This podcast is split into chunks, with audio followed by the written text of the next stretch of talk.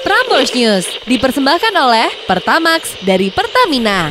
Para kandidat calon presiden dan calon wakil presiden yang mau maju di Pilpres 2024 mendatang kaula muda gak boleh punya riwayat melakukan tindakan tercela.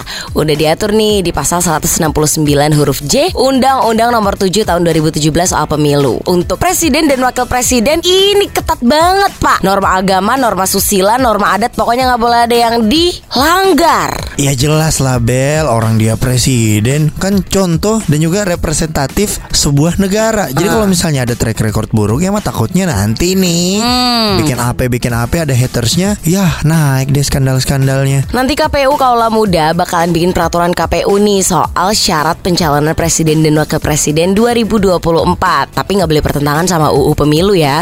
Dengan kata lain KPU ini harus bikin peraturan yang kurang lebih sama lah Tapi mungkin dia bikin detail-detailnya aja gitu. Jadi apa aja sih ya kan? Yang tidak boleh Tidak boleh mabuk Tidak boleh judi Tidak boleh zina Tidak boleh menjadi seorang pecandu Atau terlibat apa pun yang berhubungan dengan narkotika. Kemudian perbuatan tercela apa pun yang diproses hukum Hingga mengkhianati negara Nah maksudnya mengkhianati negara tuh gimana sih? Jadi dia nggak pernah terlibat dalam gerakan separatis Atau nggak pernah melakukan gerakan secara inkonstitusional Jadi kayak misalnya sebelumnya nih Dia pernah apa namanya Mendukung organisasi-organisasi yang mungkin bertentangan banget gitu sama nilai-nilai dari Pancasila atau nilai-nilainya Republik Indonesia yang ada di undang-undang itu nggak boleh. Wah ketat banget sih. Tapi ya lagi-lagi Namanya presiden kan harus memberikan contoh yang baik ya. Ingat kata Bang Roma Jangan judi. Enggak dia nggak pernah ngomong gitu. Dia pernah ngomong judi Teo Prambors News dipersembahkan oleh Pertamax dari Pertamina.